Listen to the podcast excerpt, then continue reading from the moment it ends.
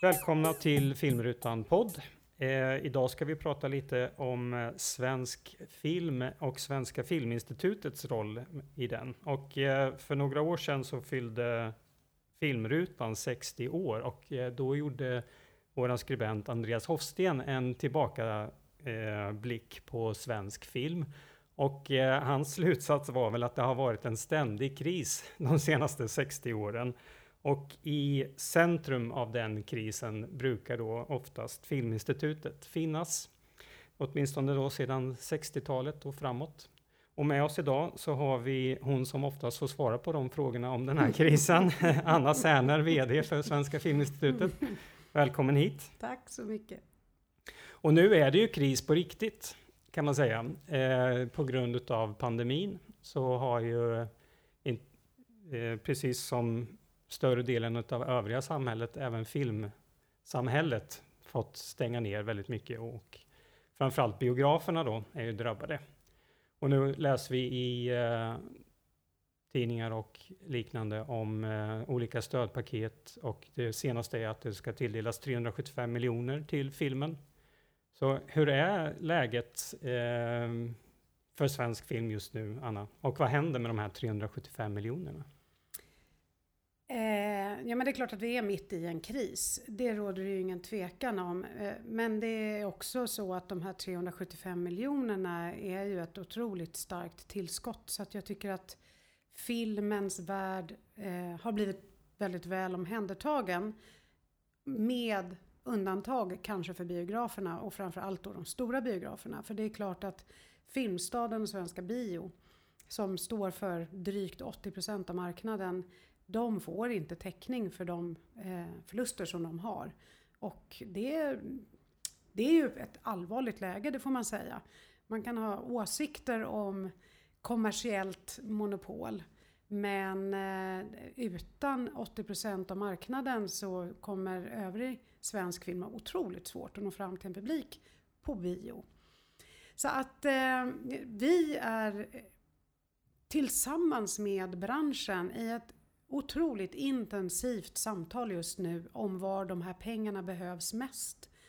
Och eh, det är ett väldigt öppet och ett väldigt transparent samtal. Som, eh, så är det någonstans det inte är kris just nu så är det faktiskt i, i själva relationerna mellan de olika aktörerna. För första gången upplever jag att eh, det finns ett samtal med ömsesidig respekt nyfikenhet, inlyssning och reflektion. Och det är ju oerhört positivt. Så att det finns positiva saker med den här krisen. Sen kan man ju säga att vad är det för filmer vi får? Och eh, det kommer inte förändra sig eh, på grund av den här krisen just nu. Vi har ju fått pengar så vi kommer kunna täcka upp för de eh, covid-relaterade kostnaderna covid-relaterade uteblivna andra finansiärernas insatser. Eh, vi kan hjälpa produktionsbolagen att eh, överleva, i vart fall nu under en övergångsperiod. Så att, eh, jag tycker nog att filmbranschen har fått en stabil plattform eh, som sträcker sig, ja, vad kan vi säga, eh, över första kvartalet 2021 i varje fall. Vilket för många är faktiskt mer än vad de någonsin har i vissa sammanhang. Så det ska man också förstå.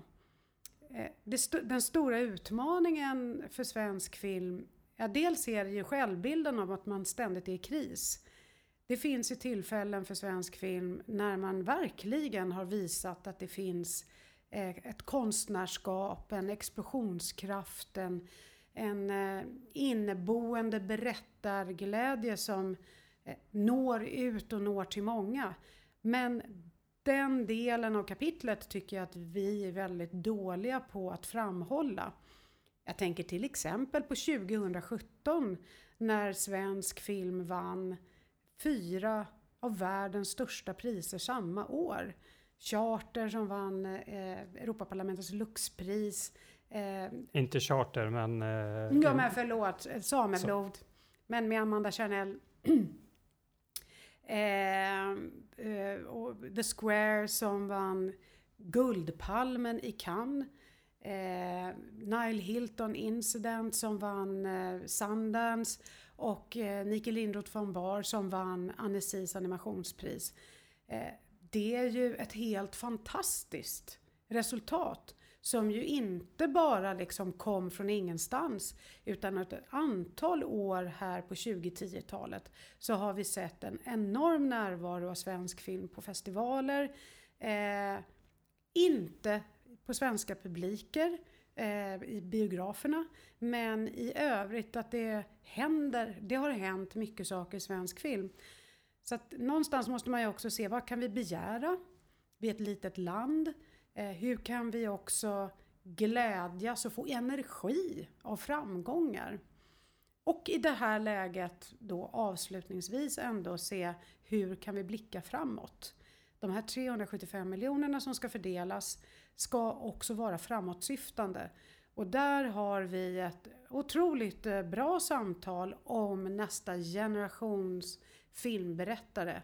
Som inte är en generation som alla måste vara under 25.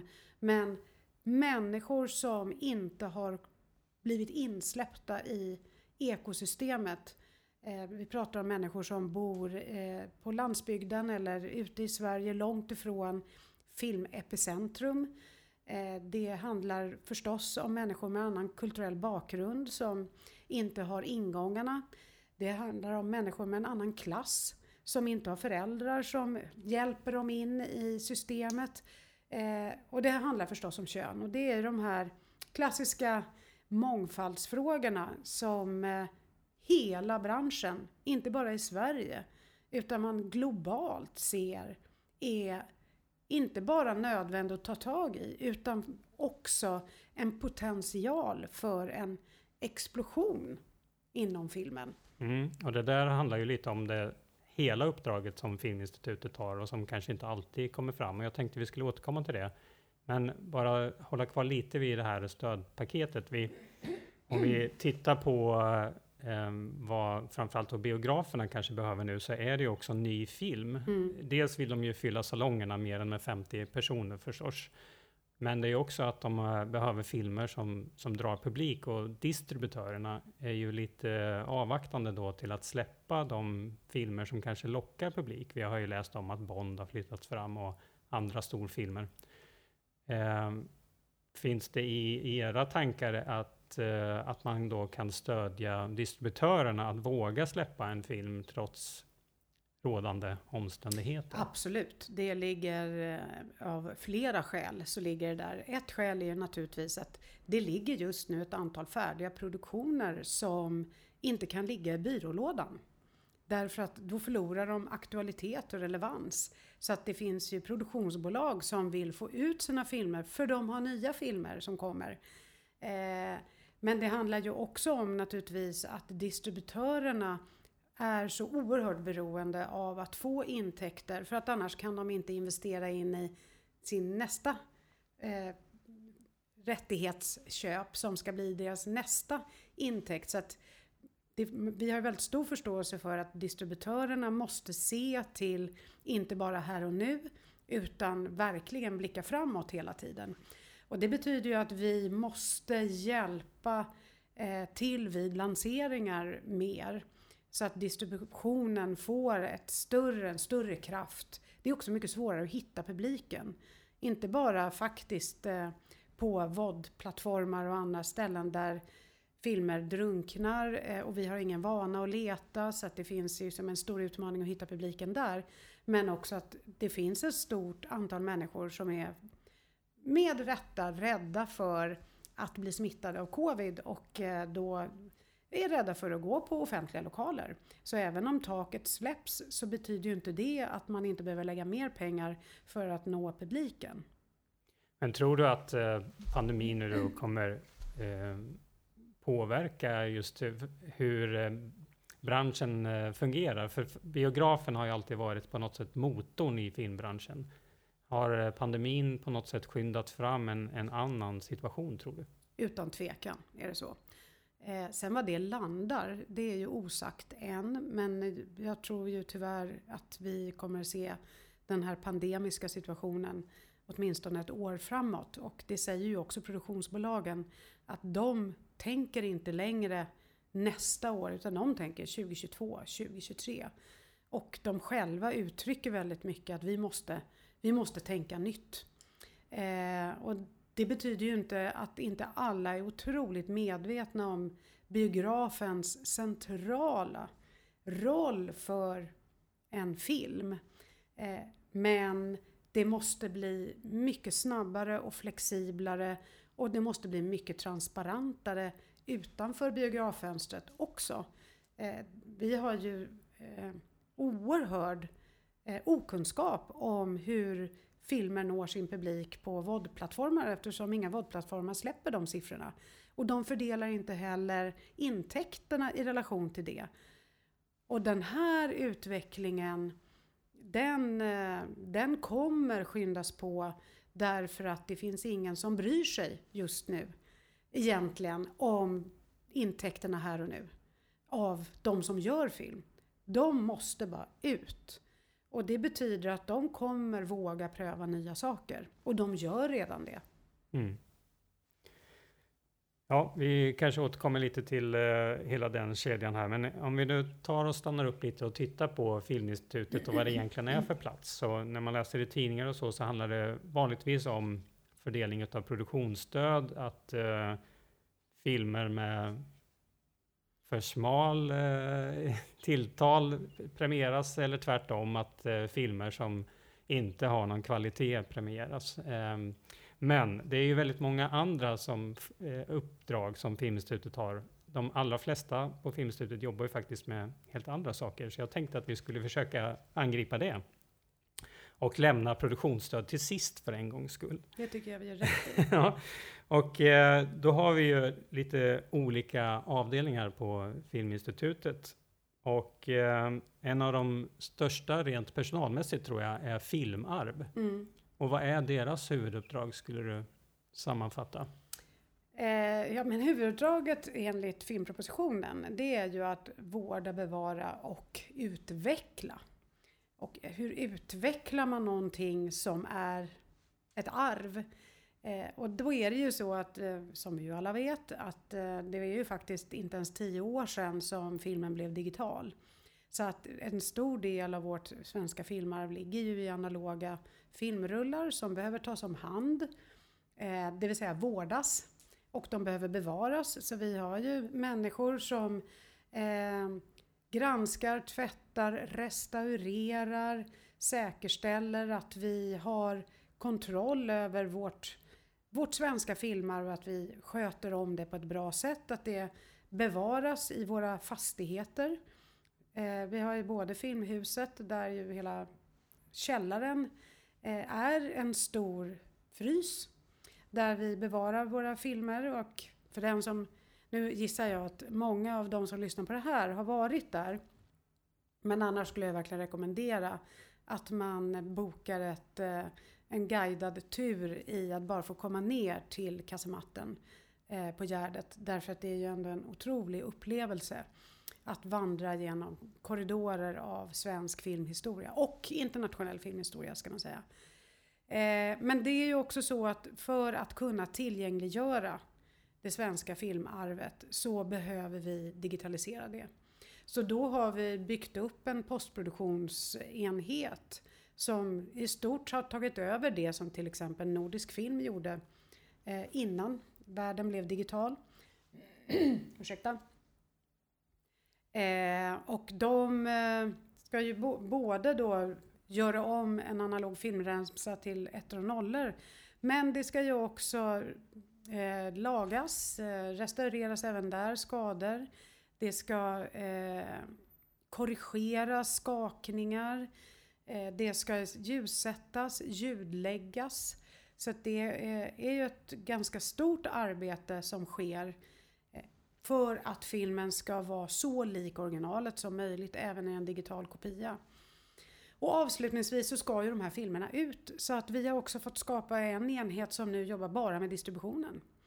Eh, och det handlar ju om att både säkerställa att all film, även de, om, om de inte är kommersiellt gångbara, för de filmerna klarar sig ju väldigt väl. Jag menar, Bergmans filmarv av Fanny och Alexander och liksom hela det. Det är klart att den filmkategorin har en distributör som tjänar pengar på den så då behöver inte vi agera. Men många delar av den svenska filmhistorien står utan distributör eh, och då säkerställer vi att vi får rättigheterna att distribuera. Det kostar en ganska liten slant så man kan, det är mer en administrativ kostnad och en liten rättighetskostnad som går till rättighetsinnehavarna. Och jag tror att det ligger på så här 1650 kronor eller någonting. Eh, och då gäller det ju att man ska hitta hela den svenska filmhistorien. Så att det Eh, att göra paket, tänka liksom marknadsföring. Svenska barnfilmsklassiker skulle kunna vara ett. Eh, svenska eh, folkkulturfilmer ett annat. Eller filmer av bara kvinnliga regissörer ett tredje. Eller samisk film som ju då tyvärr inte är särskilt många. Så att den här delen, eh, den delen av vårt filmarv som man kanske inte förstone tänker på innehåller en hel del pärlor som det finns en publik för. Det ser ju vi. Mm. Så att, eh, men man måste för även publiken presentera det på nya sätt. Mm. Eh, sen består ju också filmarvet av eh, de som arbetar med kring eh, kunskap. Biblioteket till exempel. Eh, men också bildarkivet och Ja, vi har ju olika mötesplatser. Filmarkivet.se som vi gör tillsammans med KB. Eh, Nordic Women in Film. Så att det är helt enkelt att både eh, bevara, vårda och tillgängliggöra filmarvet som ingår i den avdelningen. Och därmed är den också väldigt stor. Mm. Och den sista delen är väl framförallt något som har satsat på under de senaste åren då, ja. med digitalisering och distribution. Mm. Och även den nya svenska filmdatabasen med, som även har eh, redaktionellt material så att säga. För att... Precis, det handlar ju väldigt mycket om att göra kunskap eh, tillgänglig genom att eh, konceptualisera, eh, ha redaktörskap och det försöker vi jobba med väldigt mycket och du har helt rätt i det. Vi har ju haft som strategi att tänka publiken egentligen i första hand. Hur kan vi tillgängliggöra till publiken? Men för att kunna tillgängliggöra så måste vi samla in, vi måste kategorisera, katalogisera, restaurera, digitalisera. Men mötet med publiken är ju ändå det som eh, styr. Mm. Och bildarkivet är ju Filmrutan väldigt glad för eftersom ni ofta hämtar bilder därifrån mm. till våra eh, nummer. Ja, eh, om vi går vidare då så har vi eh, film och samhälle. Mm. Vad gömmer sig bakom den Ja, eh, det där är en, en avdelning som har bytt namn genom år och tider och det beror väl på att vi har ju ganska ett så brett uppdrag men ändå en så begränsad budget så man får liksom plocka ihop saker. Eh, film och samhälle är, om man utgår från samhället så är samhället består både av publik men också den särskilda målgrupp som vi har som speciellt uppdrag att eh, ge kunskap till och det är barn och unga. Eh, och barn och unga finns i hela Sverige och finns dessutom på olika nivåer i svenskt förvaltningsskick kan man säga. Så jag menar, vi är ju på nationell nivå medan barn och unga går i skolan på lokal nivå i kommuner. Eh, men de har sina hobbyverksamheter på regional nivå.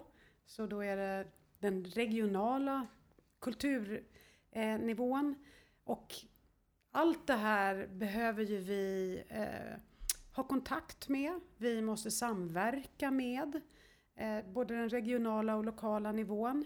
Eh, och vi har ett stort fokus naturligtvis då på att nå ut till elever eh, och människor innan de kommer in i den professionella verksamheten. För när de kommer in i en professionell verksamhet så tas, om hand, tas de om hand av andra aktörer. Men steget före har vi ett väldigt stort ansvar för. Vad gäller publiken så är ju den både allmänheten och därför ligger Guldbaggen där. Eh, Guldbaggen är ju en eh, tävling som med alla sina fel och brister som tävlingar har, men det är faktiskt också det fönster där väldigt många svenskar får en inblick i vilket svenskt filmutbud vi har. Och eh, Guldbaggegalan på TV har eh, en av de högsta publiksiffrorna faktiskt av alla galor. Det är bara Idrottsgalan som är större. Eh, så vi, vi har mellan, ja sådär 1,1, 1,2, 1,3 miljoner tittare varje gång. Det här är ju svenskar som kanske vill gå och se en svensk film sen.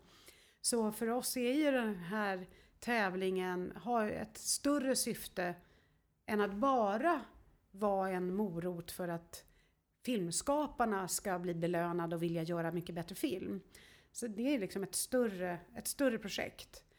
Men vi har ju också en publik eh, som är själva filmbranschen. Så att vi, där har vi alla våra filmrum där vi eh, tar upp frågor som handlar om film. Och det behöver inte bara då vara ny film utan det kan vara filmhistoria och filmarv. Eh, och det är också därför Cinemateket ligger inom den avdelningen. Därför att Cinemateket är en publik verksamhet. Det är en, har traditionellt sett varit en otroligt nischad publik. Men vi har sett att eh, publiken breddas. finns ju en, eh, tror jag, en, en slags mottrend mot digitaliseringen. Att man vill se hur film jo, liksom var på den analoga tiden. Så till exempel stumfilmsvisningar eh, är ofta utsålda eh, och snittåldern är inte alls 85 plus utan kanske ligger någonstans 30-40. Eh, och det är helt fantastiskt när man ser en gymnasieklass som ser filmer från, alltså vi visade eh, eh, hushållers... Eh, gud, nu har jag tappat namnet. Eh, någon eh, Victor Sjöström-film i varje fall. Eh, som vi hade restaurerat klart. Eh, det här handlar om socialtjänstlagen. Det handlar om en, en, ett hembiträde. Eh, jag kommer komma ihåg så småningom vad filmen heter. Eh, som är tvungna att lämna bort sina barn för att kunna jobba som hembiträde. Och filmen eh, gav som konsekvens faktiskt på den tiden att man ändrade sociallagstiftningen för att man insåg att eh, den delen av arbetarklassen eh, var, ju tvungen, var ju nästan som livegna och de gav bort sina egna barn för att överhuvudtaget kunna överleva. Och när den filmen visades eh, så sitter eh, liksom 19-åringar och gråter Eh, filmen är från 1924, om jag inte minns fel. Så att eh, Cinematekets publik eh, är ganska bred och skulle säkert kunna bli ännu bredare.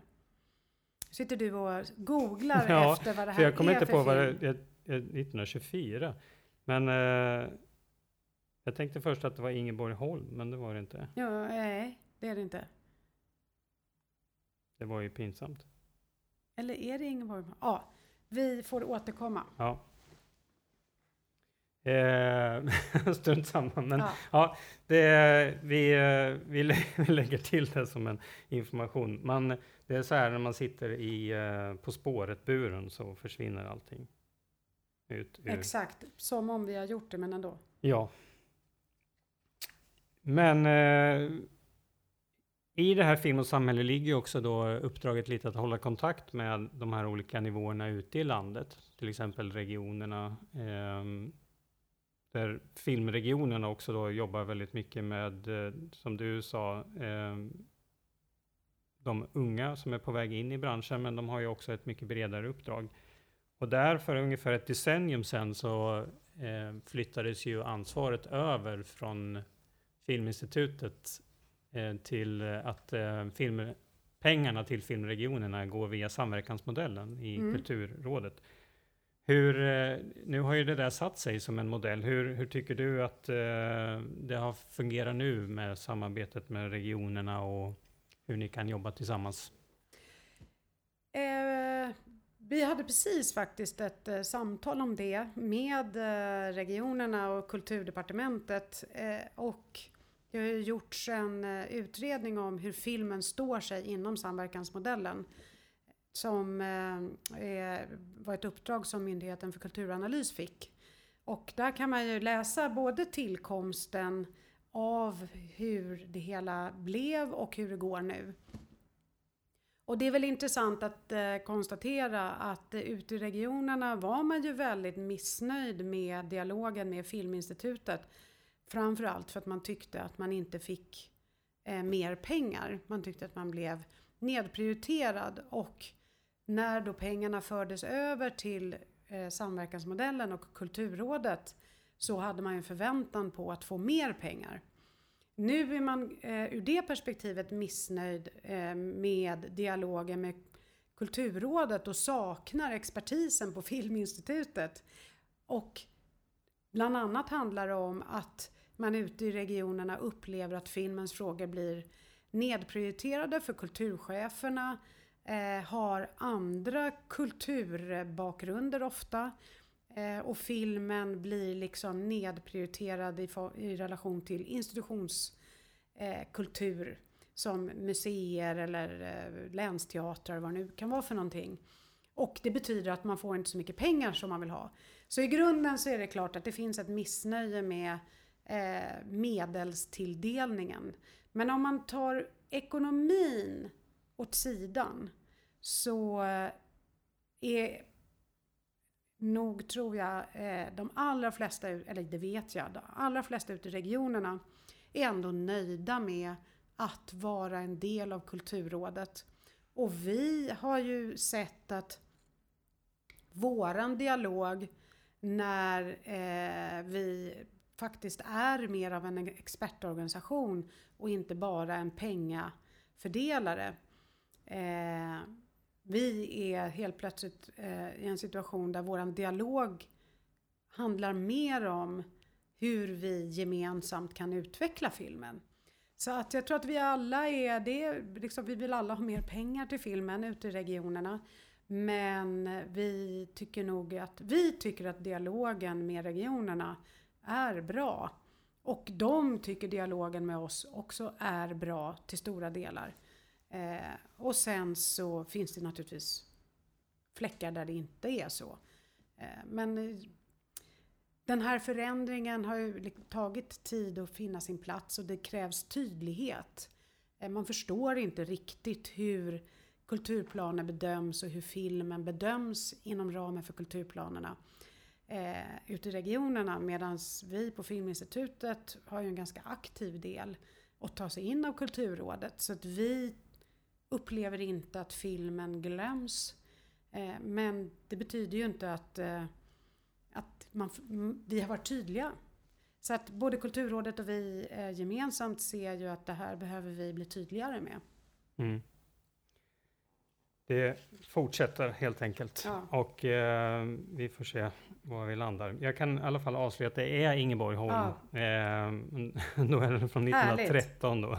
Ja, 1913, ja. okej. Ja. Eh, jag blandar ihop det med någon annan, ja. något annat årtal. Men 1913 i varje fall. Att, att, att en, en gymnasieelev 2019 eh, gråter mm. över ett öde som speglas i en stumfilm från, från 1913. Mm. Det tycker jag visar på filmens kraft. Verkligen.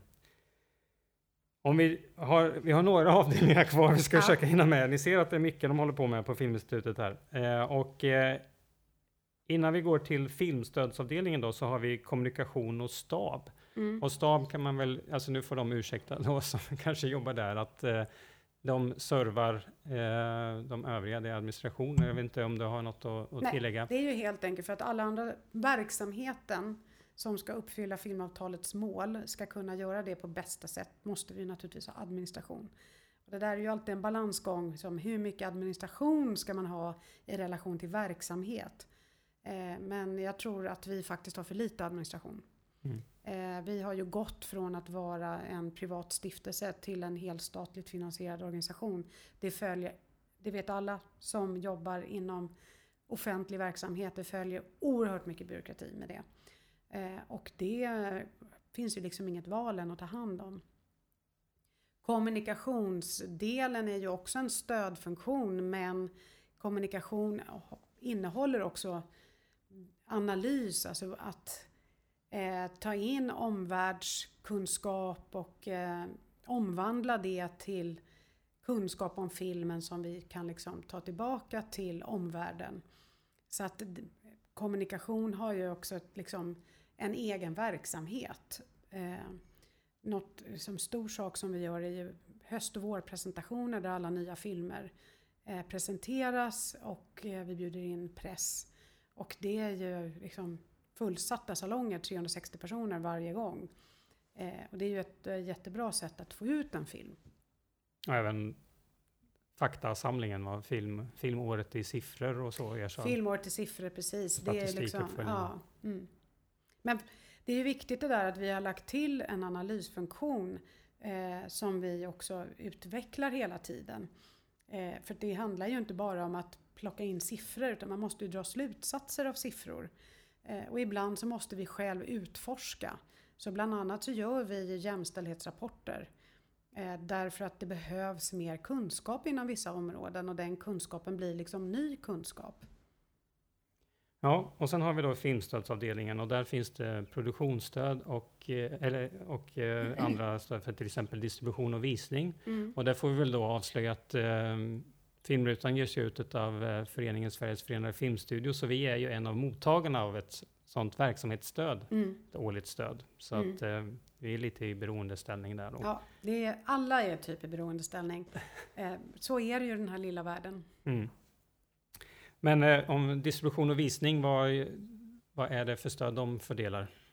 Nej, men det är alltså, dels då till visningsorganisationer där ju ni är en mottagare med Folkets hus och parker, våra gårdar, den typen av organisationer, Folkets bio, själva biograferna, eh, men också vägen dit, eh, distributionen, distributörerna själva, men också direkta filmer som får särskilt distributionsstöd. Eh, så att, och utöver det så finns det ju andra visningssituationer som kräver särskilda stöd och där är ju framförallt festivalerna förstås superviktiga.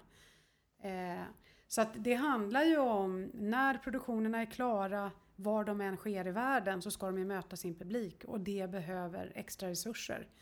Eh, så att det, där har vi ju också en syster av enhet som är för den internationella lanseringen som ju ofta är före den, eller den är ju alltid före den svenska premiären. Men där är det naturligtvis otroligt viktigt att filmen kan sälja rättigheter, visas upp för en publik, få priser men också resa i världen. Så de två enheterna jobbar ju med eh, att lanseras att en film ska kunna lanseras eh, och visas någonstans. Mm. I Sverige och i utlandet. Ja. Och sen då på filmstöd, då, nu börjar tiden också snart rinna ut här för, för, för oss, men eh, där läser man ju ganska mycket om att det är en ständig, då, som vi sa inledningsvis, en liten kamp mellan eh, fick rätt film pengar, fick de för mycket, satsas det på filmer som är för smala och så vidare. Mm. Och det där är ju eh, ett system som vi har med filmkonsulenter och vissa automatstöd, det vill säga att man, om man uppfyller vissa krav så får man automatiskt Ja, det, det finns ju inte automatiskt Nej, längre. jag tänkte på det nya mark marknadsstödet. marknadsstödet. Ja. Ja. Eh, men eh, vi skulle istället för att gå in, inte gå in i så mycket detalj på det, för det brukar liksom diskuteras, så skulle vi ställa en första fråga här och, vilk, och det är vad tycker du är den största missuppfattningen om filmstöden? Ja, men det är att eh, filmstöden har som syfte att tillgodose en bransch. Eh, som om det vore eh, biograferna vi ska stötta. Eller som om det vore produktionsbolag vi ska stötta. Vi stöttar ju filmen och det ska finnas en publik. Eh, och då tycker jag att egentligen ska man utgå från tanken att det ska vara en mänsklig rättighet för alla att kunna få se en film som berör. Eh, och det betyder att vi måste ge stöd till en mångfald av genrer och titlar eh, därför att så många olika människor finns det där ute och alla blir inte berörda av en konstnärlig smal film och alla blir inte berörda av en bred komedi. Eh, och det behöver de inte vara. Man hamnar ofta i singulariteter, enskilda filmer och säger den här filmen, vad den var dålig. Och så glömmer man att titta på helheten. Vårt uppdrag är ju inte att varje film ska innehålla allt. Vårt uppdrag är att summan av alla filmer varje år ska ha en så stor bredd och angelägenhetsgrad så att det ska finnas en film för varje person där ute. Och i det här arbetet ingår det ju att vi måste bli mycket bättre på att fånga upp andra typer av röster än vad vi gör idag. Ett stort antal människor som bor i Sverige blir inte berörda av svensk film. För de kan inte spegla sig i vad de ser på duken, de känner inte igen sig, det berör inte deras verklighet eh, och då måste vi få in nya perspektiv. Så att det här med att arbeta med jämställdhet och mångfald som om det vore en fråga för eh, att vi ska uppfylla ett eh, liksom checklista för mänskliga rättigheter. Det är liksom, vi ska alltid uppfylla mänskliga rättigheter. Men det handlar ju om innehållet i filmerna. Och det handlar om en helhet. Så att om man liksom skulle kunna lyfta perspektivet och se till helheten och sen är det helt valfritt för människor att tycka att en film är dålig. Därför att den kanske inte ens var avsedd för den personen. Men man kan ju inte döma ut andras rätt att känna sig berörda. Och där tycker jag också att att få skratta eller gråta eller provoceras eller bara eh, få fly tillvaron en stund. Det gör man bara när man blir berörd. Och då är alla typer av känslor eh, rätt. Det finns inga fel känslor. Så att det eh, tycker jag är den stora missuppfattningen mm. eh, om vad produktionsstöd ägnar sig åt. Och det är väl egentligen hela filmuppdraget ja. du sammanfattar där. Och eh, tiden håller faktiskt på att rinna ifrån oss, så jag tror att det blir ganska bra slutord. Och det, det, den där summeringen är väl också anledningen till att när man blickar tillbaka så upplevs det som att det är en ständig filmkris och att det kanske ska vara det för att det hela tiden någonting ska bearbetas, förbättras, förnyas mm. och inte stå still. Eh, som avslutning så har jag bara gett i uppdrag att eh, ska avsluta med ett litet filmtips, lite abrupt så här. Ja, och eh, egentligen borde jag naturligtvis säga en ny film, men jag gör faktiskt inte det. Därför att jag just nu håller på att läsa Mia Engbergs bok, eh, som är en del av hennes forskning. Och jag tycker det sammanfattar hela eh, svenska eh, liksom filmuppdraget. Nu kommer jag bara för det inte ihåg vad boken heter. Eh, men hon gjorde en film som heter Belleville Baby Eh, och eh, det var en fantastisk film för mig. Eh, och den är ju ganska svårtillgänglig för ganska stora delar av mänskligheten. Men för mig och ganska många med mig så var den ändå eh, en, en poesi. Mm. Jag har sett den filmen fyra gånger tror jag.